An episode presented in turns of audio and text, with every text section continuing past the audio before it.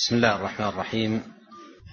الحمد لله رب العالمين وأشهد أن لا إله إلا الله وحده لا شريك له وأشهد أن محمدا عبده ورسوله صلى الله وسلم عليه وعلى آله وأصحابه أجمعين. أما بعد في الدرس قبل الماضي كنت طلبت من الإخوة مشاركة حول أبيات للصنعاني رحمه الله عارض فيها أبيات الشهرستاني فوصلت إجابتان. أبيات الصنعاني هي قوله لعلك أهملت الطواف بمعهد الرسول ومن لاقاه من كل عالم. فما حار من يهدى بهدي محمد ولست تراه قارعا سن نادم. وفيما يتعلق السؤال الثاني عن اسم الكتاب الذي للرازي والذي رد عليه شيخ الإسلام ابن تيمية وأيضا اسم الكتاب الذي لشيخ الإسلام في الرد على الرازي وبماذا كان يلقب الرازي في ذلك الكتاب؟ أيضا الإجابة وصلت أن اسم كتاب الرازي أساس التقديس أو تأسيس التقديس ورد شيخ الإسلام عليه عنوانه بيان تلبيس الجهمية في تأسيس بدعهم الكلامية. وكان شيخ الإسلام بن تيمية يلقب الرازي في هذا الكتاب بالمؤسس لأن كتابه تأسيس التقديس فكان يلقبه بالمؤسس. والأخ صاحب الورقة يقول أنه في حوالي خمسين موضعا لقبه بهذا اللقب. وأحيانا يقول صاحب أساس التقديس أو صاحب تأسيس التقديس. وكان من أبرز مؤسسي علم الكلام. هاتان الإجابتان الأولى للأخ محمد يونس والثانية للأخت أمة الله شمائل. ولهما من الإخوة المنظمين لهذه الدورة بعض الكتب. أسأل الله عز وجل أن ينفعهم بها. نعم. الحمد لله رب العالمين والصلاة والسلام على عبد الله ورسوله نبينا محمد وعلى آله وصحبه أجمعين. فيقول شيخ الإسلام ابن تيمية رحمه الله تعالى بكتابه الفتوى الحموية الكبرى قال في ضمن فتواه ثم عامة هذه الشبهات التي يسمونها دلائل إنما تقلدوا أكثرها عن طواغيت من طواغيت المشركين أو الصابئين أو بعض ورثتهم الذين أمروا أن يكفروا بهم مثل فلان وفلان أو عمن قال كقولهم لتشابه قلوبهم. فلا وربك لا يؤمنون حتى يحكموك فيما شجر بينهم ثم لا يجدوا في أنفسهم حرجا مما قضيت ويسلموا تسليما. كان الناس أمة واحدة فبعث الله النبيين مبشرين ومنذرين وأنزل معهم الكتاب بالحق ليحكم بين الناس فيما اختلفوا فيه. وما اختلف فيه إلا الذين أوتوه من بعد ما جاءتهم البينات بغيا بينهم فهدى الله الذين آمنوا لما اختلفوا فيه من الحق بإذنه. ولازم هذه المقالة ألا يكون الكتاب هدى للناس ولا بيانا ولا شفاء لما في الصدور ولا نورا ولا مردا عند التنازع. لأننا نعلم بالاضطرار أن ما يقوله هؤلاء المتكلفون أن الحق الذي يجب اعتقاده لم يدل عليه الكتاب والسنة لا نصا ولا ظاهرا وإنما غاية المتحدلق أن يستنتج هذا من قوله ولم يكن له كفوا أحد وقوله هل تعلم له سميا. وبالاضطرار يعلم كل عاقل أن من دل الخلق على أن الله ليس على العرش ولا فوق السماوات ونحو ذلك بقوله هل تعلم له سميا لقد أبعد النجعة وهو إما ملغز أو مدلس لم يخاطبهم بلسان عربي مبين. ولازم هذه المقالة أن يكون ترك الناس بلا رسالة خيرا لهم في أصل دينهم لأن مردهم قبل الرسالة وبعدها واحد وإنما الرسالة زادتهم عما وضلالا. يا سبحان الله كيف لم يقل الرسول صلى الله عليه وسلم يوما من الدهر ولا أحد من سلف الأمة. هذه الآيات والأحاديث لا تعتقدوا ما دلت عليه لكن اعتقدوا الذي تقتضيه مقاييسكم أو اعتقدوا كذا وكذا فإنه الحق وما خالف ظاهره فلا تعتقدوا ظاهره. وانظروا فيها فما وافق قياس عقولكم فاعتقدوه وما لا فتوقفوا أو انفوه. نعم. هذا كله يذكره شيخ الإسلام بن تيمية رحمه الله تعالى في سياق إبطاله للمنهج الذي عليه علماء الكلام في باب الأسماء والصفات. ومنهج أولئك مبني كما عرفنا سابقا على العقول وما تتوصل إليه بالمقاييس العقلية. وتلك المقاييس يقررونها بمعزل عن كتاب الله وسنة نبيه صلوات الله وسلامه عليه. وإذا كان المطلوب من العباد في دينهم أن يعتمدوا في أصل الاعتقاد على تلك المقاييس العقلية ولا يعولوا على الكتاب والسنة فإذا ما فائدة الكتاب والسنة؟ وما فائدة نزول الوحيين على الناس إذا كان مطلوب منهم أصالة أن يعملوا العقول ويهملوا النقول. فمن لازم ذلك ما قرره وذكر رحمه الله أن تركهم بدون الكتاب والسنة أسلم لهم. أن تركهم بدون الكتاب والسنة أسلم لهم. لأن حسب تقرير هؤلاء أن العمدة المقاييس العقلية والنظر للكتاب والسنة هو لصرف هذه الظواهر التي في الكتاب والسنة والتي تخالف مقاييسهم العقلية إلى التأويلات التي ما أنزل الله بها من سلطان. هذا معنى كلام شيخ الإسلام بن تيمية رحمه الله وتأمل كلامه حيث يقول ولازم هذه المقالة ألا يكون الكتاب هدى للناس ولا بيانا ولا شفاء لما في الصدور ولا نورا ولا مردا عند التنازع لأن نعلم بالاضطرار أن ما يقوله هؤلاء المتكلفون أن الحق الذي يجب اعتقاده لم يدل عليه الكتاب والسنة لا نصا ولا ظاهرا. فإذا كون الناس لا ينزل عليهم هذا الوحي أسلم لهم على هذا التقرير الذي يقرره علماء الكلام. وكفى بذلك دلالة على شناعة قولهم وفساده وإذا احتج محتج منهم بالكتاب والسنة تجد احتجاجه بتكلف وبحمل للآيات على غير معناها بل حمل لها على ضد معناها. في القرآن آيات كثيرة تثبت الصفات تثبت الاستواء تثبت الرضا تثبت الغضب تثبت صفات كثيرة لله سبحانه وتعالى. كل هذه الآيات يشتغلون بتأويلها. ويقولون دل على عدم ثبوتها هل تعلم له سميا ودل على عدم ثبوتها ليس كمثله شيء. وهذا تجني على هذه الآيات في حملها على غير محملها. هل تعلم له سميا ليس كمثله شيء ليست دالة على نفي الصفات. وإنما دالة كما قال أهل العلم على كثرة الصفات وتفرد الله سبحانه وتعالى بالكمال والجلال. ليس كمثله شيء لكثرة صفاته التي اختص بها لا أنها تنفي الصفات عن الله كما يزعم هؤلاء. وأصبحوا يفهمون أن تنزيه الله وتعطيل صفاته وعدم إثباتها. حتى قال قائل في تسبيحه سبحان المنزه عن الصفات. لأن هذا هو التسبيح عندهم وهذا هو التنزيه تعطيل الله سبحانه وتعالى عن صفاته. وإذا قيل لهم من أين لكم أن الله لم يستوي ولا يرضى ولا يغضب ولا يضحك ولا يعجب؟ من أين لكم؟ يقولون قال الله تعالى ليس كمثله شيء. وقال تعالى هل تعلم له سميا؟ فيجعلون هذا حجة لهم في نفي الصفات. والصفات التي جعلوا هذه الآية حجة لهم في نفيها هي صفات ثابتة بآيات مستفيضة وكثيرة وأحاديث عديدة في سنة النبي عليه الصلاة والسلام.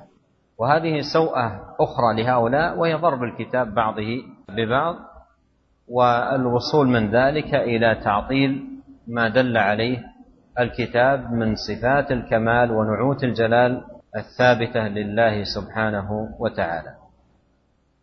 غاية المتحذلق من هؤلاء أن يستنتج هذا من قوله ولم يكن له كفوا أحد وقوله هل تعلم له سميا. والاستفهام هنا بمعنى النفي أي لا سمي له. وبالاضطرار يعلم كل عاقل أن من دل الخلق على أن الله ليس على العرش ولا فوق السماوات ونحو ذلك بقوله هل تعلم له سميا لقد أبعد النجعة أو هو ملغز أو مدلس.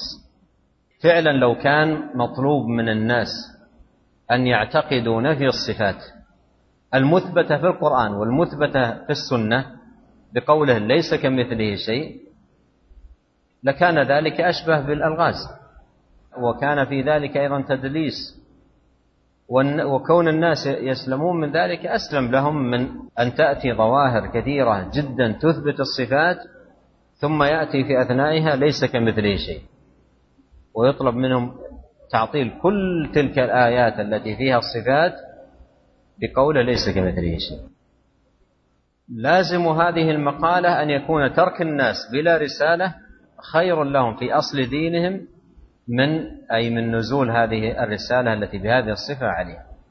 لأن مردهم قبل الرسالة وبعدها واحد. ما هو مردهم؟ قبل الرسالة وبعد الرسالة مقاييسهم العقلية. مردهم هو المقاييس العقلية قبل الرسالة وبعد الرسالة. وإنما الرسالة زادتهم عما وضلالا. أخذوا يشتغلون اشتغالا طويلا عريضا. كيف يصرفون هذه الآيات التي تدل على خلاف ما توصلت إليه عقولهم؟ فنظرهم في الآيات ليس نظر احتجاج واستدلال واعتماد وإنما نظرهم في الآيات نظر من يريد رد ما دلت عليه وتعطيل ما أثبتته حتى قال عنهم شيخ الإسلام رحمه الله في بعض كتبه الواحد منهم يورد الآية من القرآن إيراد من قصد ردها أصلا. أوضح لكم ذلك بمثال. يعني مثلا تجده يقرر عقليا نفي العلوم ويعتمد في ذلك على عقله المجرد واللوازم العقلية لأنه لو كان كذا للزم أن يكون كذا إلى آخره. كلها دلائل عقلية فاسدة. ثم يقول فإن قيل لك قال الله تعالى الرحمن على العرش استوى. هل الآية الآن جاءت في هذا السياق ليستدل بها؟ أبدا.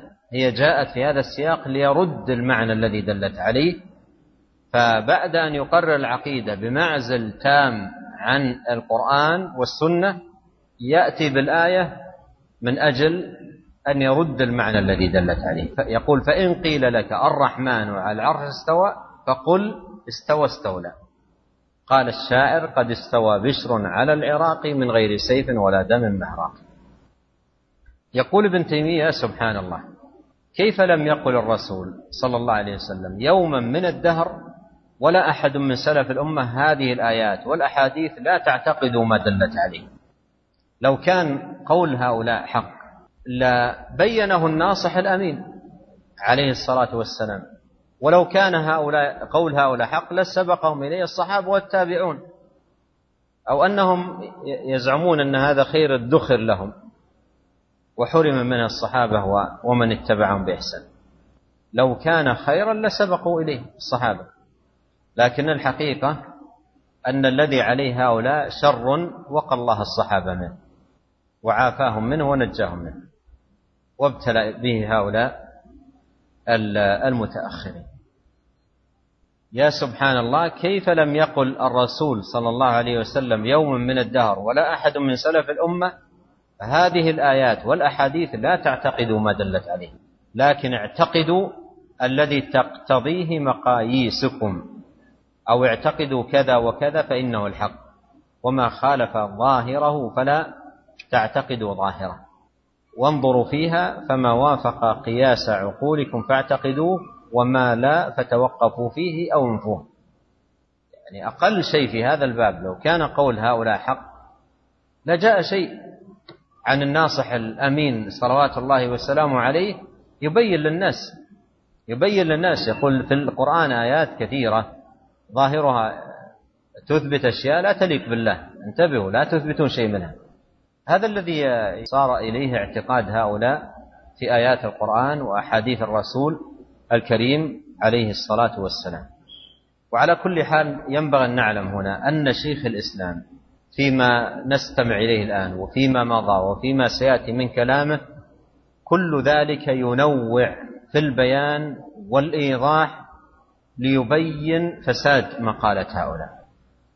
هذا تنويع في البيان والإيضاح من خلاله يعري هذه المقالة ويبين فسادها ويظهر أنها مقالة مستهجنة بعيدة عن الحق أتم البعد. ولا يزال ماضيا في تنويع البيان لفساد هذه المقالة. نعم. قال رحمه الله ثم الرسول صلى الله عليه وسلم قد أخبر بأن أمته ستفترق ثلاثا وسبعين فرقة فقد علم ما سيكون. ثم قال إني تركت فيكم ما إن تمسكتم به لن تضلوا كتاب الله. وروي عنه صلى الله عليه وسلم أنه قال في صفة الفرقة الناجية هم من كان على مثل ما أنا عليه اليوم وأصحابي فهلا قال من تمسك بظاهر القرآن في باب الاعتقاد فهو ضال وإنما الهدى رجوعكم إلى مقاييس عقولكم وما يحدثه المتكلمون منكم بعد القرون الثلاثة وإن كان قد نبغى أصلها في أواخر عصر التابعين. ثم أصل هذه المقالة. نعم. تأمل هذا أيضا من التنويع في بيان فساد حال هؤلاء. يقول النبي عليه الصلاة والسلام جاءت عن أحاديث فيها الإخبار بأنه ستوجد فيما بعد فرق. يعني أخبر عن أمر سيأتي في المستقبل وأنه ستنشأ فرق في الأمة ستفترق. هذه الأمة على ثلاث وسبعين فرقة. وجاء عنه أنه قال إنه من يعش منكم فسيرى اختلافا كثيرا. تأمل قول شيخ الإسلام هنا فقد علم ما سيكون أي أن الله أطلعه وأعلمه بشيء سيكون في المستقبل وأنه هو أنه سيوجد في الأمة. خلاف. ستوجد فرق وستوجد مذاهب وكل منهم يدعي أنه الحق. وغالب الخلاف في الأصل في أسماء الله تبارك وتعالى وصفاته. فلو كان قول هؤلاء حق أن العمدة والمرجع في فهم الصفات لينجو الإنسان من الزلل والخطأ هو الرجوع إلى المقاييس العقلية لكان مقتضى النصح من النبي عليه الصلاة والسلام في هذا المقام عندما أخبر بأنه ستوجد فرق وستوجد اختلافات مقتضى النصح أن يقول ماذا؟ إنه من يعش منكم فسيرى اختلافا كثيرا فعليكم بمقاييسكم العقلية الزموها ففيها نجاتكم وفيها سلامتكم لأن هؤلاء يزعمون أن المقاييس العقلية هي الفيصل وهي المحكم وهي التي يتمحص بها الحق ويظهر بها الصواب. لكن النبي عليه الصلاة والسلام قال فعليكم بسنتي وسنة الخلفاء الراشدين المهديين من بعد تمسكوا بها وعضوا عليها بالنواجذ وإياكم محدثات الأمور. ويدخل تحت قوله وإياكم ومحدثات الأمور بدع الكلاميين هذه بل إنها تدخل تحت هذا دخولا أوليا لأنها تشكل خطورة كبيرة جدا على عقائد الناس بإبعادهم عن الحق والهدى وإيقاعهم في الضلال والردى أيضا قوله عليه الصلاة والسلام إني تارك فيكم ما إن تمسكتم به لن تضلوا. لو كان قول هؤلاء حق وهو أن من تمسك بالمقاييس العقلية حصل اليقين وفاز باليقينيات. لكان مقتضى النصح. لقال ماذا؟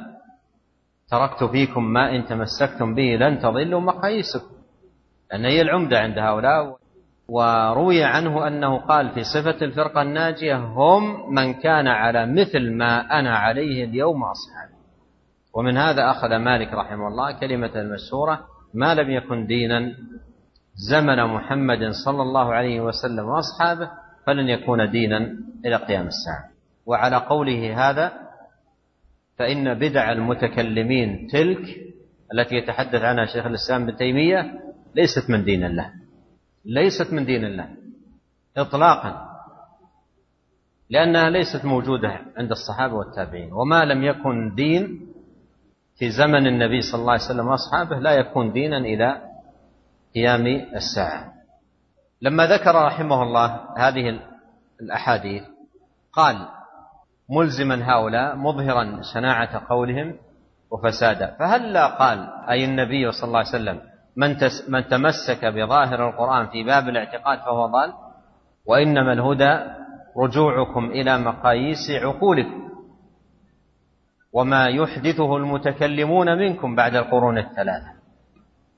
فهذا كله تنويع كما ذكرت لكم يظهر من خلاله وإلزامات يظهر من خلالها فساد آه، مقالة هؤلاء المتكلمون. نعم وإن كان. قال رحمه الله وإن كان قد نبغ أصلها في أواخر عصر التابعين ثم أصل هذه المقالة مقالة التعطيل للصفات إنما هو مأخوذ عن تلامذة اليهود والمشركين وضلال الصابئين. فإن, فإن أول من حفظ عنه أنه قال هذه المقالة في الإسلام هو الجعد بن درهم وأخذها عنه الجهم بن صفوان وأظهرها. فنسبت مقالة الجهمية إليه. وقد قيل إن الجعد أخذ مقال مقالته عن أبان بن سمعان وأخذها أبان عن طالوت ابن أخت لبيد بن الأعصم. وأخذها طالوت من لبيد بن الأعصم اليهودي الساحر الذي سحر النبي صلى الله عليه وسلم. وكان الجعد هذا فيما قيل من أهل حران.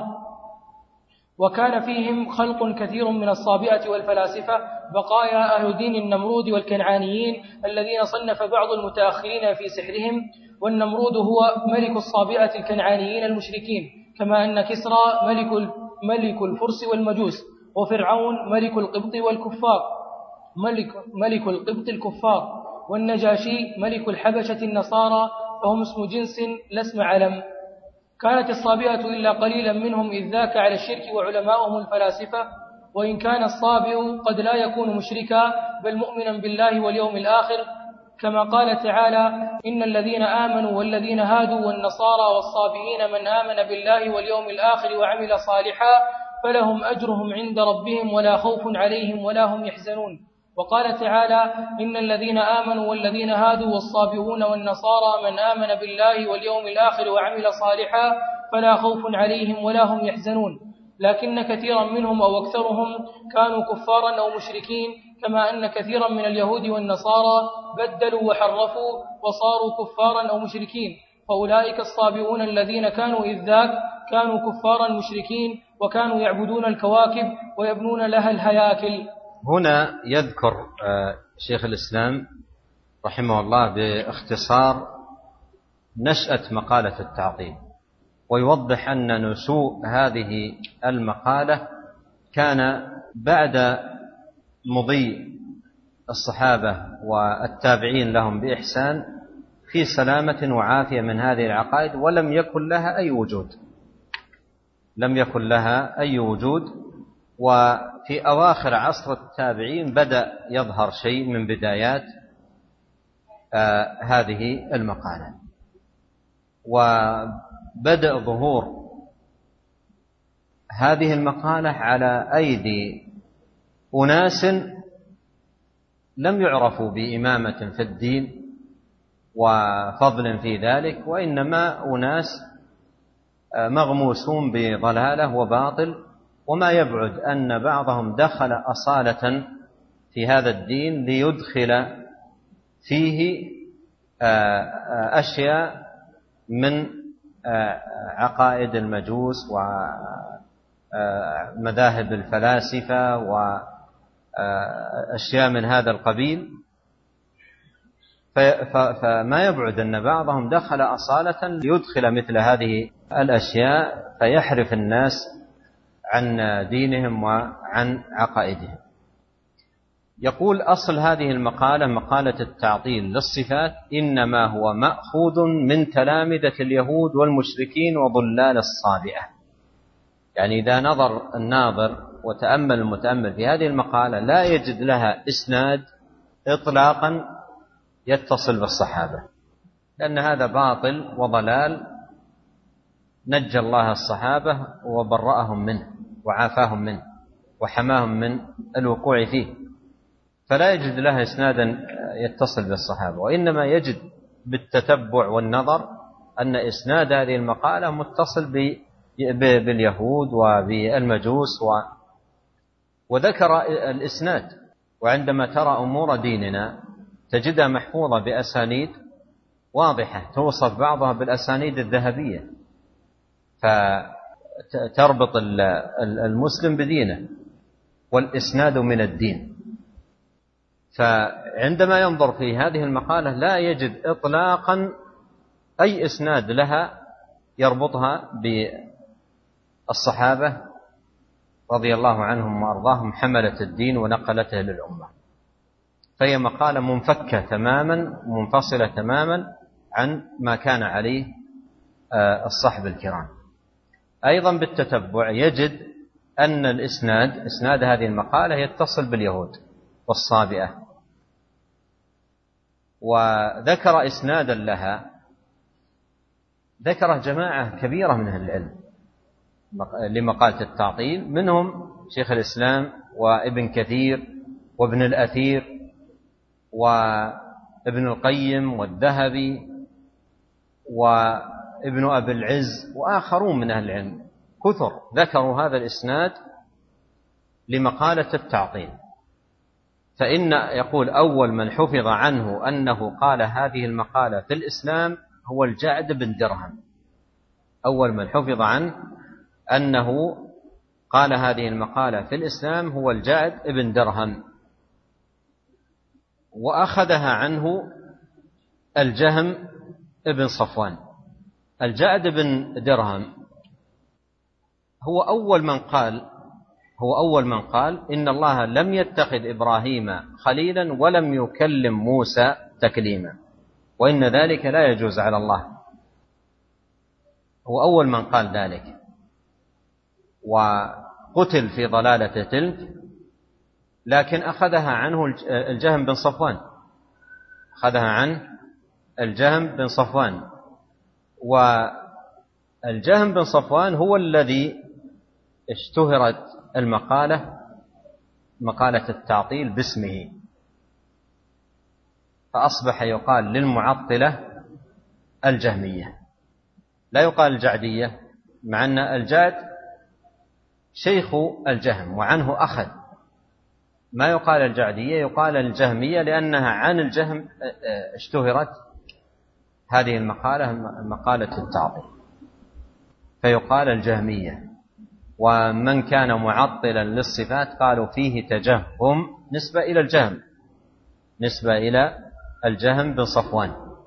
فإذا الجهم بن صفوان أخذ عن الجعد ابن درهم وأظهرها فنسبت مقالة الجهمية إليه.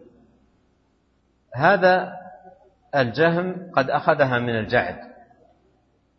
فالجعد أخذها ممن قال وقد قيل إن الجعد أخذ مقالته عن أبان ابن سمعان وأخذها أبان عن طالوت ابن أخت لبيد بن الأعصم. اليهودي الذي وأخذها طالوت من لبيد بن الأعصم اليهودي الذي سحر النبي عليه الصلاة والسلام. إذا أصبح الإسناد إسناد هذه المقالة الجهم بن صفوان عن الجاعد بن درهم عن أبان ابن سمعان عن طالوت عن لبيد بن الأعصم. عن طالوت عن لبيد ابن الأعصم. هذه سلسلة مقالة الجهمية. وأخذها هذا اليهودي الساحر عن يهود اليمن. ثم ذكر شيئا عن الجعد صاحب هذه المقالة. قال وكان الجعد هذا فيما قيل من أهل حران. هذه تفيد في معرفة نشأة المقالة مقالة التعطيل وبماذا ترتبط وما هي أصولها. فالجعد الذي عنه أخذ الجهم فيما قيل كان من أهل حران وكان فيهم خلق كثير من الصابئة والفلاسفة. بقايا دين النمرود بقايا دين النمرود والكنعانيين الذين صنف بعض المتأخرين في سحرهم. والنمرود هو ملك الصابئة. والنمرود هو ملك الصابئة الكنعانيين المشركين. كما أن كسرى ملك الفرس فرعون ملك القبط النجاشي ملك الحبشة. قال فهو اسم جنس فهو اسم جنس لا اسم علم. النمرود مثل ما يقال الملك.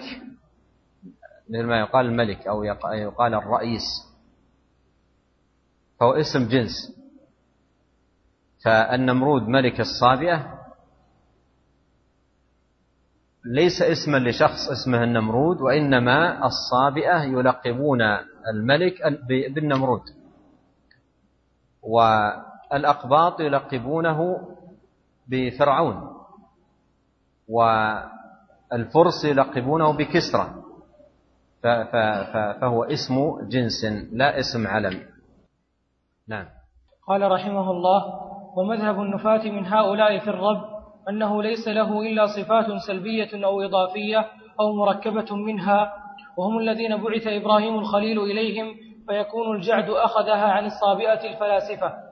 وكذلك أبو نصر الفارابي دخل حران وأخذ عن فلاسفة الصابئين تمام فلسفته وأخذها الجهم أيضا فيما ذكره الإمام أحمد وغيره لما ناظر السمنية بعض فلاسفة الهند وهم الذين يجحدون من العلوم ما سوى الحسيات. فهذه أسانيد جهم ترجع إلى اليهود والصابئين والمشركين والفلاسفة الضالين إما من الصابئين وإما من المشركين. ثم لما عربت الكتب الرومية في حدود المئة الثانية زاد البلاء مع ما ألقى الشيطان في قلوب الضلال ابتداء من جنس ما ألقاه في قلوب أشباههم. ولما كان في حدود المئة الثانية انتشرت هذه المقالة التي كان السلف يسمونها مقالة الجهمية بسبب بشر بن غياث المريسي وطبقته. وكلام الأئمة مثل مالك وسفيان بن عيينة وابن المبارك وأبي يوسف والشافعي وأحمد وإسحاق والفضيل بن عياض وبشر الحافي وغيرهم في هؤلاء كثير في ذمهم وتضليلهم. وهذه التأويلات الموجودة اليوم بأيدي الناس مثل أكثر التأويلات التي ذكرها أبو بكر بن فورك في كتابه التأويلات. وذكرها أبو عبد الله محمد بن عمر الرازي في كتابه الذي سماه تأسيس التقديس. ويوجد كثير منها في كلام خلق غير هؤلاء مثل أبي علي الجبائي وعبد الجبار بن أحمد الهمذاني وأبي الحسين البصري وأبي الوفاء بن عقيل وأبي حامد الغزالي وغيرهم هي بعينها التأويلات التي ذكرها بشر المريسي التي ذكرها في كتابه. وإن كان قد يوجد في كلام بعض هؤلاء رد التأويل وإبطاله أيضا ولهم كلام حسن في أشياء. فإنما بينت أن عين تأويلاتهم هي عين تأويلات المريسي ويدل على ذلك كتاب الرد الذي صنفه عثمان بن سعيد الدارمي أحد الأئمة المشاهير في زمان البخاري. صنف كتابا سماه رد عثمان بن سعيد على الكاذب العنيد فيما افترى على الله في التوحيد. حكى فيه هذه التأويلات بأعيانها عن بشر المريسي بكلام يقتضي أن بشر أقعد بها. وأعلم بالمنقول والمعقول من هؤلاء المتأخرين الذين اتصلت إليهم من جهته.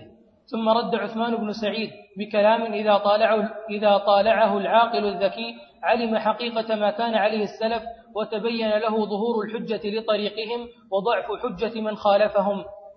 ثم إذا رأى الأئمة أئمة الهدى قد أجمعوا على ذنب المريسية وأكثرهم كفروهم أو ضللوهم وعلم أن هذا القول الساري في هؤلاء المتأخرين هو مذهب المريسية فبين الهدى لمن يريد الله هدايته ولا حول ولا قوة إلا بالله. والفتوى لا تحتمل البسط في هذا الباب وإنما نشير إشارة إلى مبادئ الأمور والعاقل يسير فينظر. نعم. يقول شيخ الإسلام رحمه الله بعد أن ذكر آه، نشأة المقالة مقالة التعطين وعلى يد من نشأت يبين هنا الأصول التي تقوم عليها هذه المقالة فهي نشأت على هؤلاء وأما الأصول التي تقوم عليها هذه المقالة فهي تعطيل صفات الله. تعطيل ولهذا تعرف مقالة الجهمية بمقالة التعطيل لأنها قائمة على النفي. لأنها قائمة على النفي والجحد والتعطيل لصفات الله سبحانه وتعالى. فما هو مذهب هؤلاء في الصفات؟ قال ومذهب النفاة من هؤلاء في الرب أنه ليس له إلا صفات السلب. أو ليس له إلا صفات السلب. وصفات السلب أي الصفات صفات النفي. ولهذا في كتبهم العقيدة نفي. العقيدة نفي لا إثبات فيه. يقول قائلهم فيما يعتقده ليس الله بفوق ولا تحت ولا عن يمين العالم ولا داخله ولا خارجه ولا متصلا به ولا منفصلا عنه وليس بكذا وليس بكذا إلى آخره. ومحصل من ينظر في ذلك النفي المتواصل المتراكم الذي جعلوه صفة الرب محصل ذلك وصف الله بالعدم حتى قيل إن أبلغ ما يوصف به العدم هو هذا الذي ذكروه ذكره الجهمية صفة للرب. وأيضا قيل المعطل يعبد عدما لأن من يقول إن ربه لا فوق ولا تحت لا فوق العالم ولا داخله ولا خارجه وإلى آخر كلام هؤلاء هذا العدم. المعطل يعبد عدما. فإذا مذهبهم في الصفات هو النفي والتعطيل. ليس له إلا صفات سلبية أو صفات إضافية أو صفات آه، إضافية. والصفات الإضافية مثل الأبوة والبنوة يعني لا تعقل إحداهما إلا بالأخرى. أي لا تعقل ماهيته إلا بقياسها على الآخر فيسمى صفة إضافية. ويمثلون لها فيما يتعلق بما يضاف إلى الله يقولون رحيم ويرحم والرحمة لا تقوم به بل هي مخلوقة. والرحمة لا تقوم به بل هي مخلوقة. وبهذا تعلم أن الصفة الإضافية ليس معنى ثبوتيا ليس معنى ثبوتيا يثبتونه للرب. ليس أمرا ثبوتيا يثبتونه للرب سبحانه. بل محصله هو نفس محصل الصفات السلبية. لأن محصله نفي الصفات. لا يرحم لا تقوم به رحمة. أو مركب منهما أو مركب منهما أي من الأمرين معا الصفات السلبية والإضافية. قال وهم أي الصابئة الذين بعث إبراهيم الخليل إليهم. وهم الذين بعث إبراهيم الخليل إليهم. فيكون الجعد أخذها عن الصابئة الفلاسفة. فيكون الجعد أخذها عن الصابئة الفلاسفة. قال وكذلك أبو نصر الفارابي. كذلك أبو نصر الفارابي. وأبو نصر الفارابي هو أيضا من كبار ظلال هؤلاء. قال الذهبي عنه له تصانيف مشهورة من ابتغى منها الهدى ضل وحار. منها تخرج ابن سينا نسأل الله التوفيق. كانوا يلقبونه المعلم الثاني أي للفلسفة. كانوا يلقبونه المعلم الثاني أي للفلسفة مثل ما كان يلقب أرسطو المعلم الأول. وهذا فيه قوة الفارابي في الفلسفة. ذكر ابن كثير جملة من مقالاته الكفرية الضالة الباطلة في البداية والنهاية وقال بعد أن ذكرها فعليه إن مات على ذلك لعنة الله والملائكة والناس أجمعين. فعليه إن مات على ذلك يعني تلك العقائد الكفرية الضالة الباطلة فعليه إن مات على ذلك لعنة الله والملائكة والناس أجمعين. وإلى يومنا هذا يعظم هذا الرجل بسبب أيضا ما حفظ عنه أشياء تتعلق بالطب ونحو ذلك. وكذلك أبو نصر الفارابي دخل حران وأخذ عن فلاسفة الصابئين تمام فلسفته وأخذها الجهم أيضا فيما ذكره الإمام أحمد وغيره لما ناظر السمنيه بعض فلاسفة الهند. وهم الذين يجحدون من العلوم ما سوى الحسيات يعني لا يؤمنون بالغيب. لا يؤمنون بالغيب يعني لا يؤمنون إلا بالأشياء المحسوسة المشاهدة الملموسة. أما الغيبيات فلا يؤمنون بها. بعد هذه الأشياء التي ذكر قال فهذا هذه أسانيد جهم. هذه أسانيد جهم ترجع إلى اليهود والنصارى ترجع إلى اليهود والصابئين والمشركين والفلاسفة الضالين. إما من الصابئين وإما من المشركين. قال ثم لما عربت الكتب الرومية كتب الروم فلاسفة الروم في حدود المئة الثانية في زمن المأمون فهو أول من سعى وعمل على ترجمة كتب الفلاسفة. فلما ترجمت تلك الكتب في حدود المئة الثانية أي من الهجرة زاد البلاء مع ما ألقى الشيطان في قلوب الضلال ابتداء. من جنس ما ألقاه في قلوب أشباههم فزاد البلاء وعظم الشر. فإذا ترجمت تلك الكتب جلبت شرا عظيما. وكانت الترجمة في حدود المئة الثانية كما ذكر شيخ الإسلام وكان ذلك في زمن المأمون. كان ذلك في زمن المأمون فإنه هو هو من عمل على ترجمة تلك الكتب. ولهذا قال الصفدي حدثني من أثق به أن شيخ الإسلام ابن تيمية روح الله روحه كان يقول ما أظن أن الله يغفل عن المأمون ولا بد أن يقابله على ما اعتمده من هذه الأمة من إدخال هذه العلوم الفلسفية بين أهلها. من إدخال هذه العلوم الفلسفية بين أهلها لأن هذه جناية عظيمة وخطيرة على الأمة بإدخال تلك الكتب وترجمتها وجعلها بين أيدي الناس. فهذا فيه خطورة عظيمة وبالغة. إذا كان النبي عليه الصلاة والسلام لما رأى في يد عمر قطعة من التوراة قال أمتهوكون؟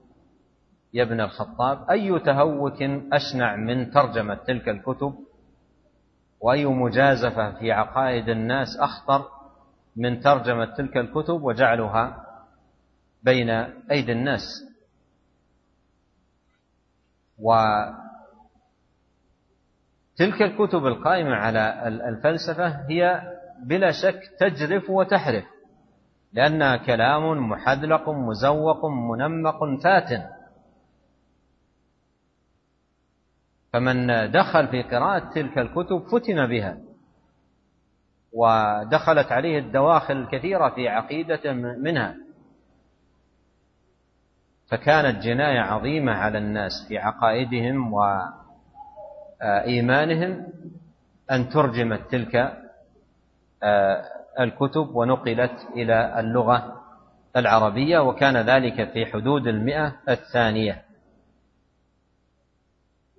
قال ولما كان في حدود المئة الثانية انتشرت هذه المقالة التي كان السلف يسمونها مقالة الجهمية. التي كان السلف يسمونها مقالة الجهمية. بسبب بشر ابن غياث المريسي وطبقته. بسبب بشر بن غياث المريسي وطبقته. يقول الذهبي في ترجمة بشر قال نظر في الكلام فغلب عليه. نظر في الكلام فغلب عليه وانسلخ من الورع والتقوى.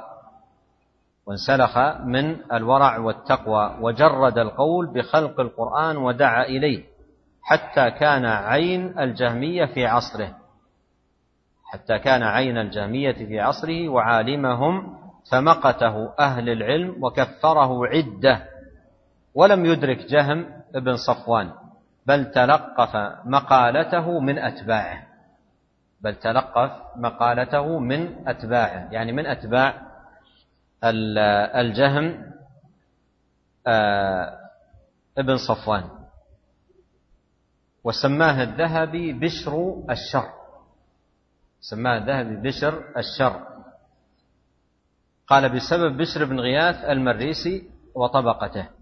وكلام الأئمة مثل مالك وسفيان بن عيينة وابن المبارك وأبي يوسف والشافعي وأحمد وإسحاق والفضيل بن عياض وبشر الحافي وغيرهم في هؤلاء كثير في ذمهم وتضليلهم.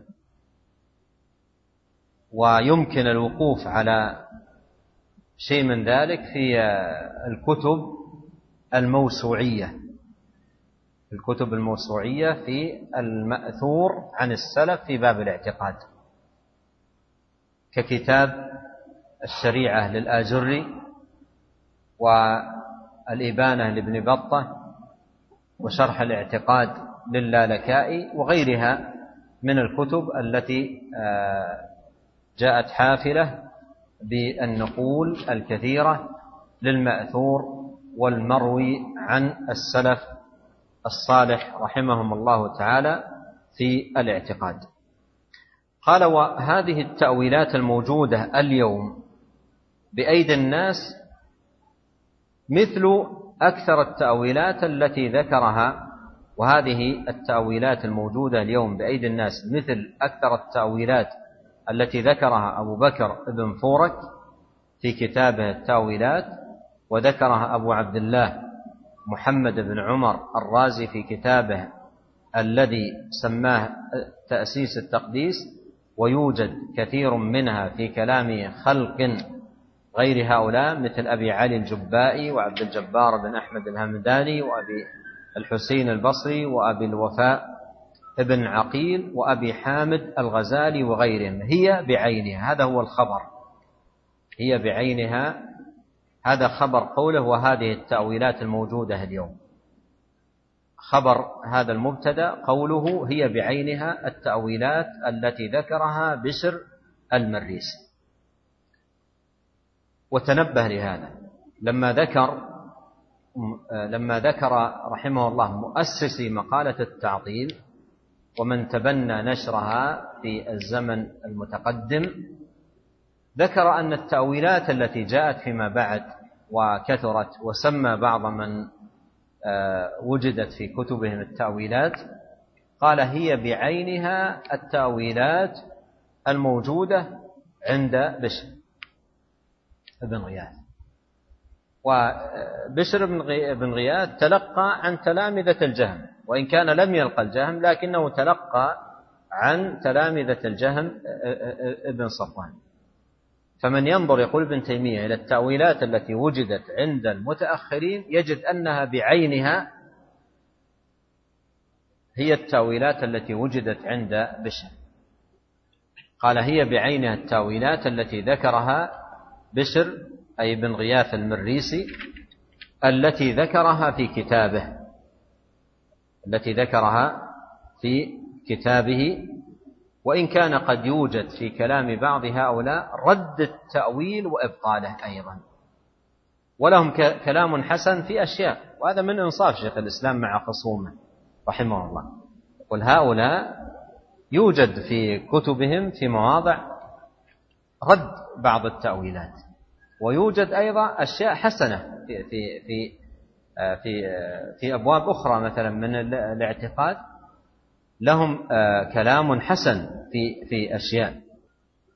لاحظ ما وصفهم به وتنبه لكلامه الآتي أن بشر كان أقعد من هؤلاء.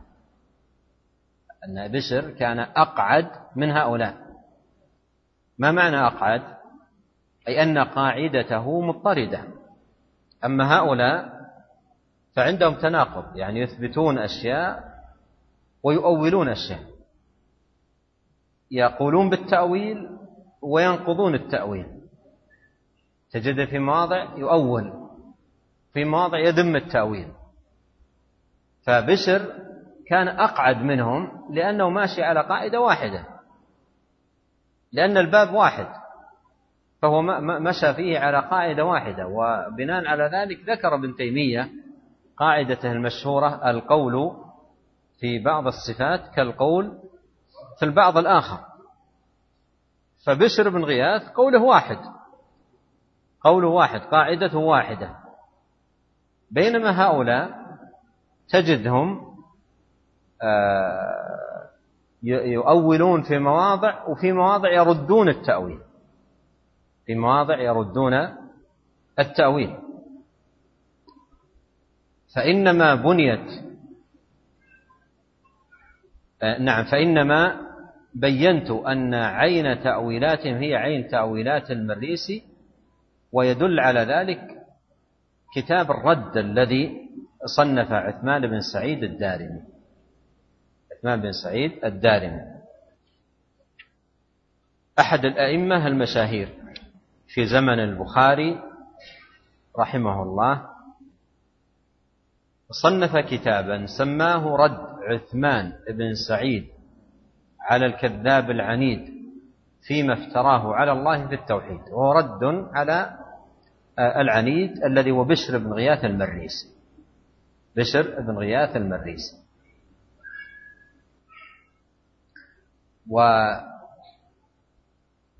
والدارمي رحمه الله خطأ في هذا الكتاب خطوة قوية جدا في تأرية شبه هؤلاء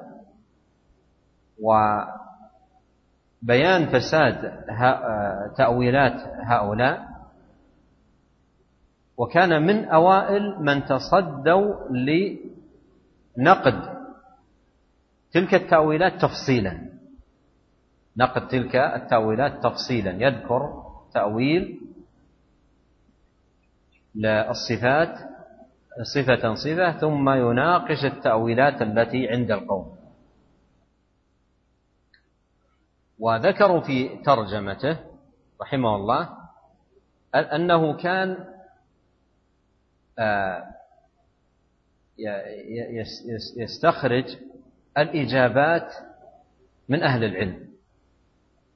استخرج الإجابات ونقد ذلك من من أهل العلم. ذكروا ذلك في ترجمته يعني كان يلقى بعض الأئمة الأكابر ويستنطقهم أو يستخرج منهم إجابة أجوبة تلك الشبهات. فاستفاد من آه، ما توصل إليه وحصله وكان أيضا يحرص على أن يسأل أهل العلم وأكابر أهل العلم في في زمانه بما يكشف تلك الشبهات ويبين فسادها وضمن كل ذلك في كتابه نقض آه، النقض على بشر. النقض نقض الدارمي على كتاب بشر المريسي ويعتبر كتابه عمدة ومرجع عظيم في هذا الباب. يعتبر عمدة في هذا الباب باب الرد على تأويلات الجهمية. حكى فيه هذه التأويلات بأعيانها. حكى فيه هذه التأويلات بأعيانها. وللفائدة تجد شيخ الإسلام وغيره من أهل العلم في رد تأويلات أولئك المتأخرين ينقلون عن بشر ردوده المتينة على ينقلون عن الدارمي ردوده المتينة على بشر بن غياث المريسي ينقلون عن الدارمي كثيرا ما ينقلون عنه وهذا مما يؤكد لك ما قاله شيخ الإسلام أن التأويلات التي عند المتأخرين هي بأعيانها تلك التأويلات التي عند المتقدمين. ولهذا في الرد في الرد عليها إن رجعت إلى الدارمي كفاك.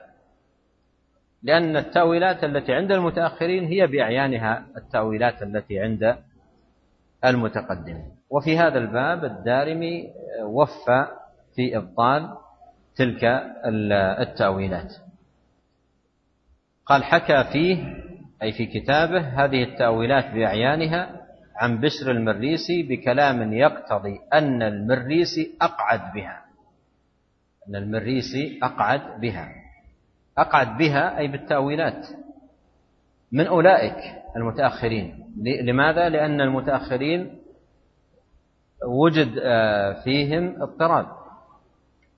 فيؤول بعضا ولا يؤول بعضا. أو يؤول في موضع ويرد التأويل في موضع آخر. بينما بشر كان أقعد منهم أي, أي أنه مضى في هذا الباب على قاعدة واحدة. على قاعدة واحدة. ولهذا يقولون أن المعتزلة أقعد من الأشاعرة. المعتزلة أقعد من الأشاعرة. لكن مذهب المعتزلة أفضل. أفضل من مذهب الأشاعرة. لكنه أقعد. ما معنى أقعد؟ أي قاعدة واحدة مضوا عليها في الباب. مضوا عليها في الباب أي على قاعدة واحدة بخلاف من يثبت بعضا وينفي آه، وينفي بعضا. قال آه، ما يقتضي أن أن المريسي أقعد بها وأعلم بالمنقول والمعقول من هؤلاء المتأخرين الذين الذين اتصلت إليهم من جهته. من جهته. يعني هذه التأويلات إنما وصلت إلى هؤلاء المتأخرين من جهته أي بشر بن غياث المريسي. ثم رد ذلك عثمان بن سعيد بكلام إذا طالعه العاقل الذكي علم حقيقة ما كان عليه السلف. علم ما حقيقة ما كان عليه السلف وتبين له ظهور الحجة لطريقهم وضعف حجة من خالفهم. وهذا مدح قوي وثناء قوي من شيخ الإسلام على رد الدارمي على بشر بن غياث. وأن ذلك الرد جاء من القوة بمكان وأيضا من فوائده أنه يجلي ويظهر قوة ومتانة علوم السلف وضعف حجج من خالفهم. وضعف حجج من خالفهم. قال ثم إذا رأى ثم إذا رأى الأئمة أئمة الهدى. هذا معطوف على قوله إذا طالعه, طالعه العاقل الذكي يعني كلام الدارمي. ثم رأى الأئمة أئمة الهدى. قد أجمعوا على ذم المريسية. ذم المريسية أي أتباع بشر بن غياث المريسي. وبشر هو من نقل عنه ابن القيم آه، آه، قاعدة في التعطيل قررها لتلامذته. قال فيها ليس شيء أبغض إلى أقوالنا من القرآن والحديث. ليس شيء أبغض إلى أقوالنا من القرآن والحديث. فقابلوا نصوص القرآن بالتحريف وقابلوا نصوص السنة بالتكذيب.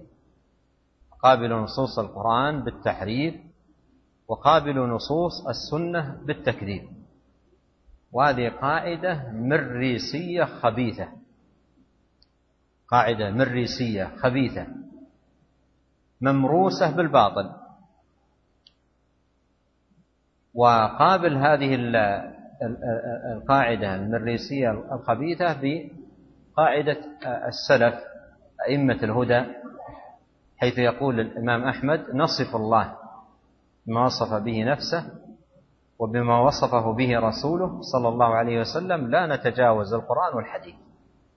لا نتجاوز القرآن والحديث.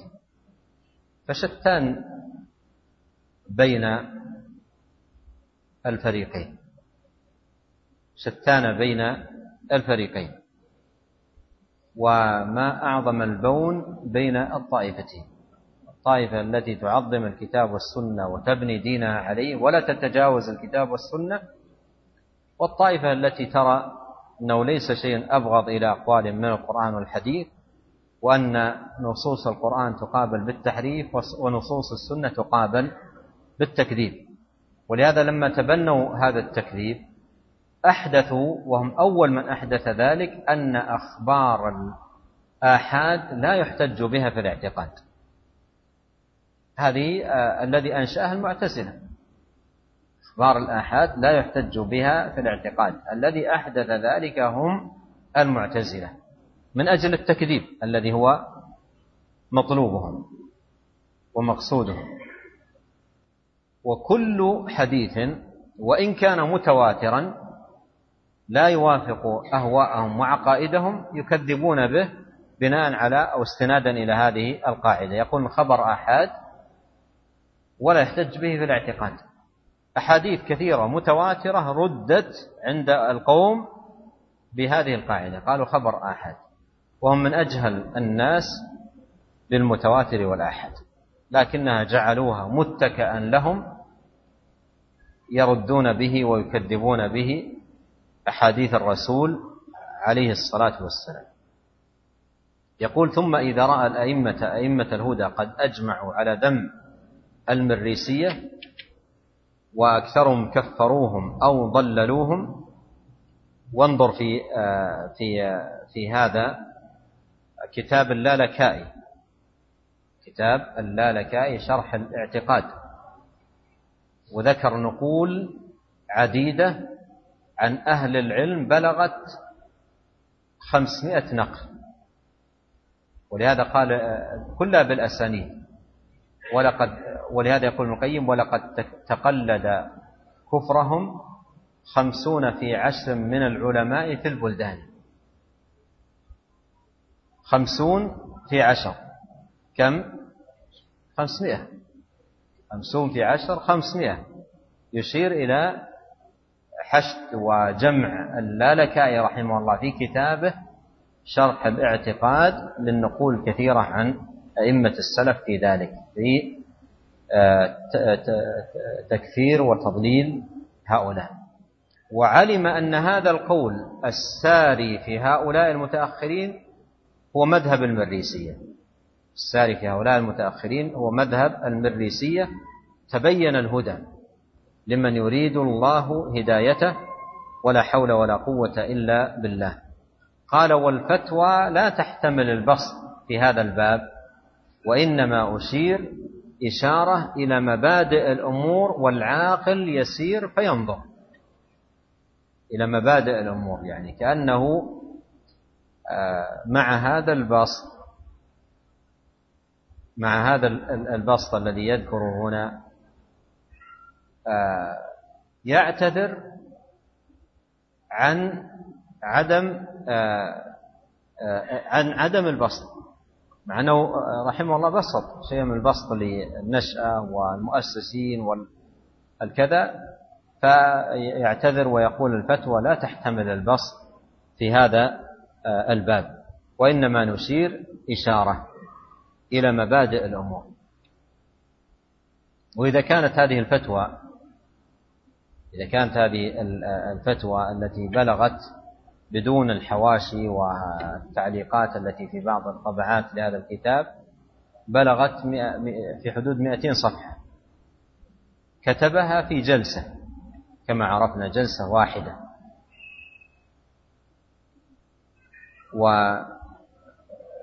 وعبارة هذه تدل أن عنده أشياء كثيرة لكن الفتوى التي آه، ارتأى أن يقيدها في هذه الرسالة لا تحتمل بسطا آه، أكثر من هذا. وأنه إنما يشير إشارة إلى مبادئ الأمور والعاقل يسير فينظر.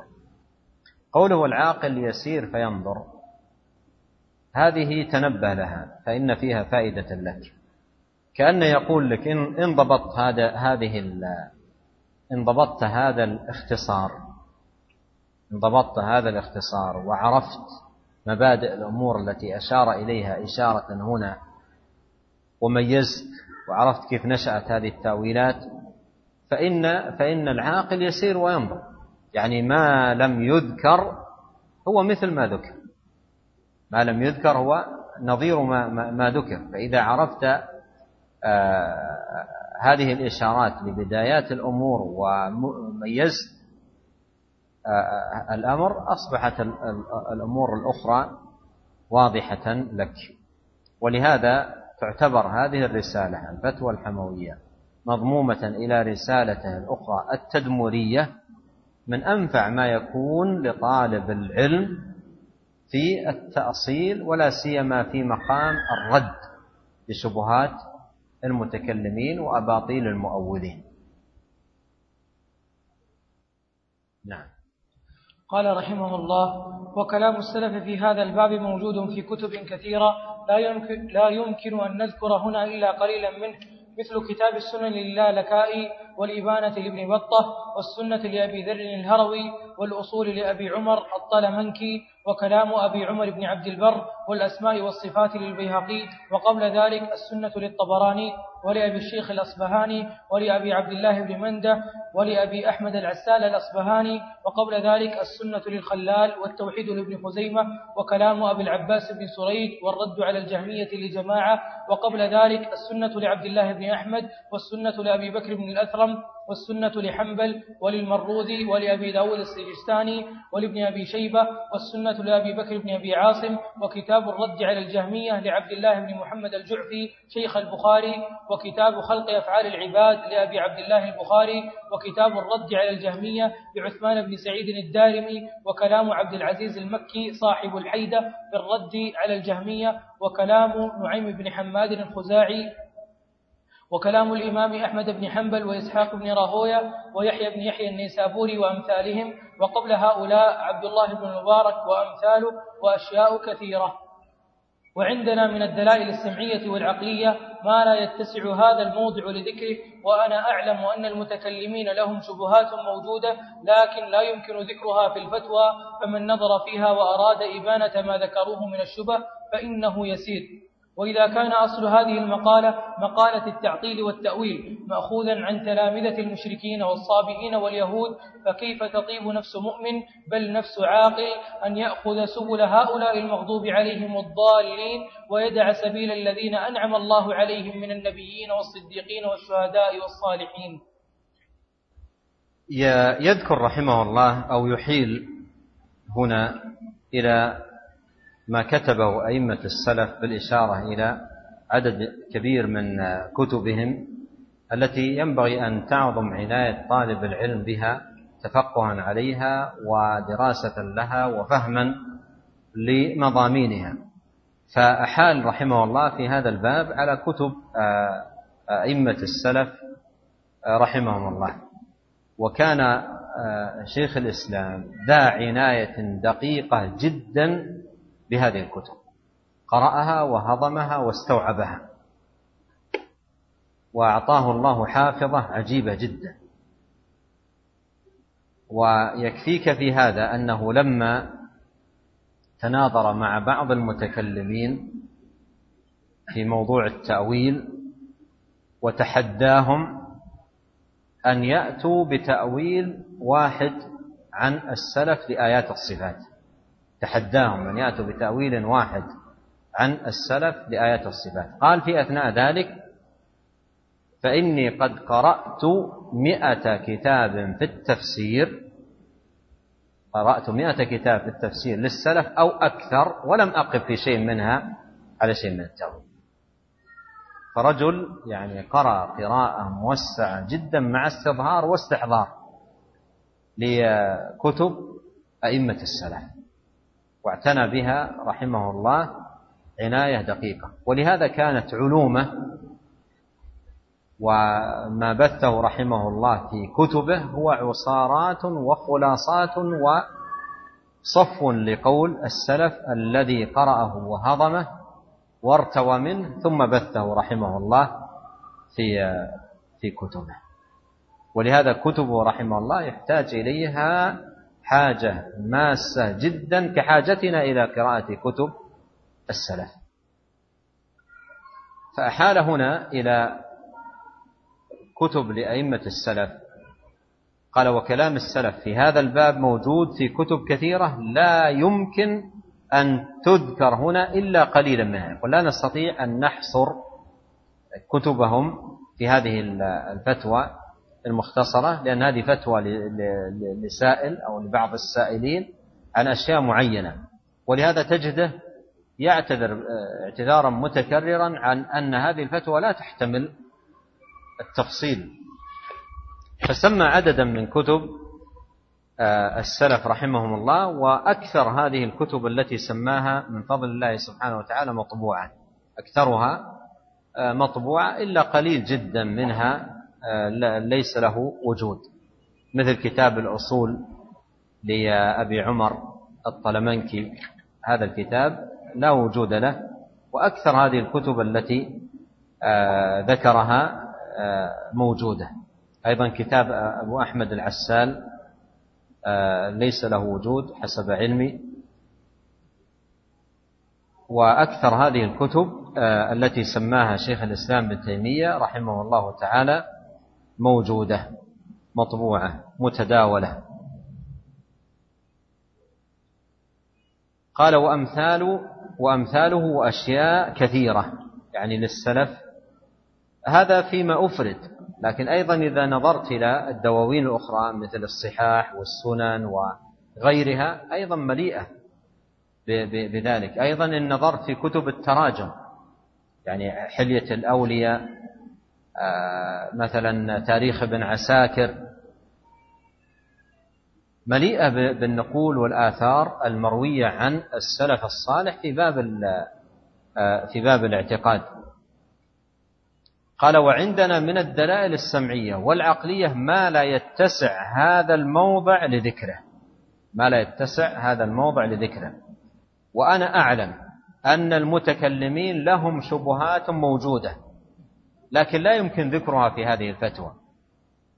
لا يمكن ذكرها في هذه الفتوى لأنك إذا تذكرت الفتوى ذكروا الآيات آيات الصفات وطلبوا أن يبين القول الحق في ذلك. وما الذي يجب أن أن يعتقد؟ فبسط رحمه الله ذلك وأشار إشارات إلى المذاهب المخالفة. أما تتبع شبهات أولئك ونقدها شبهة شبهة فهذا لا تحتمل مثل هذه الفتوى.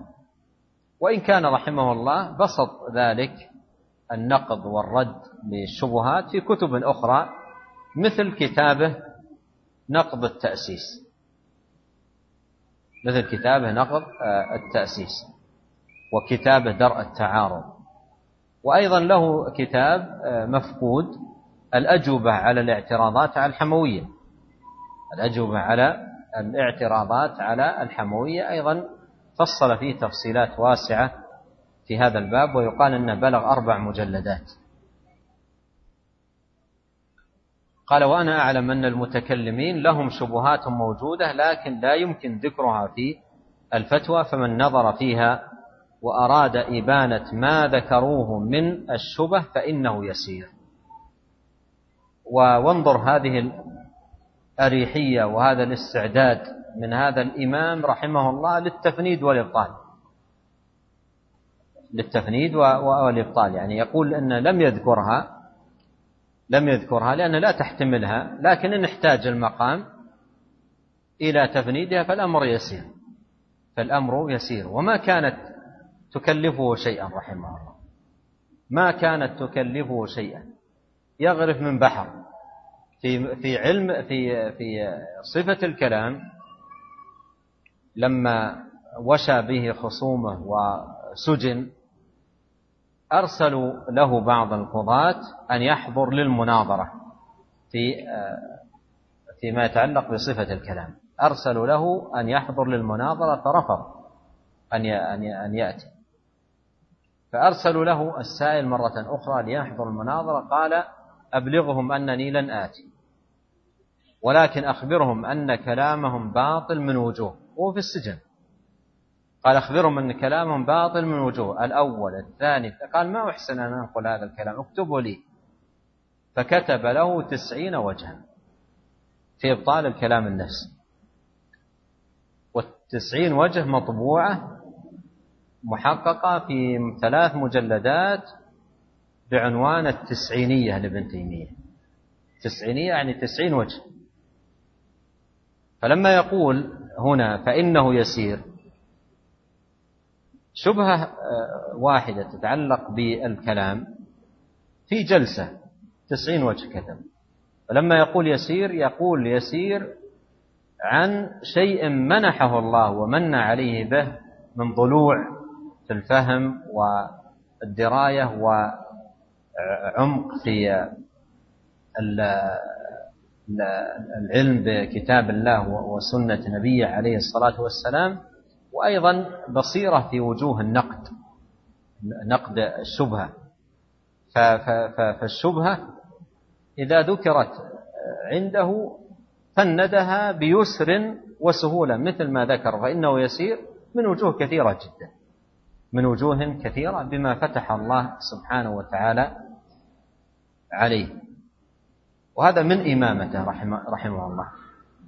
وإذا كان أصل هذه المقالة مقالة التعطيل والتأويل مأخوذة مأخوذا عن تلامذة المشركين والصابئين واليهود فكيف تطيب نفس مؤمن بل نفس عاقل أن يأخذ سبيل هؤلاء؟ كلمة والله جميلة. وليت ليتنا نضع عندها إشارة أو خط لأنها والله جميلة جدا. يعني بعد أن بين آه، سوءها وكيف نشأت وكيف دخلت على الناس وكيف أنها لا, لا وجود لها عند الصحابة ولا آه، آه، لم يكن أحد منهم يقول بذلك وأنها إنما نشأت على أيدي هؤلاء. كل هذا بينه فلما بين هذا البيان ختم بهذه الكلمة الجميلة قال فكيف تطيب نفس مؤمن بل نفس عاقل أن يأخذ سبيل هؤلاء.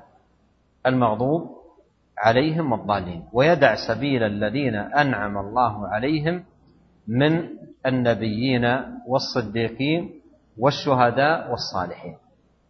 ولعل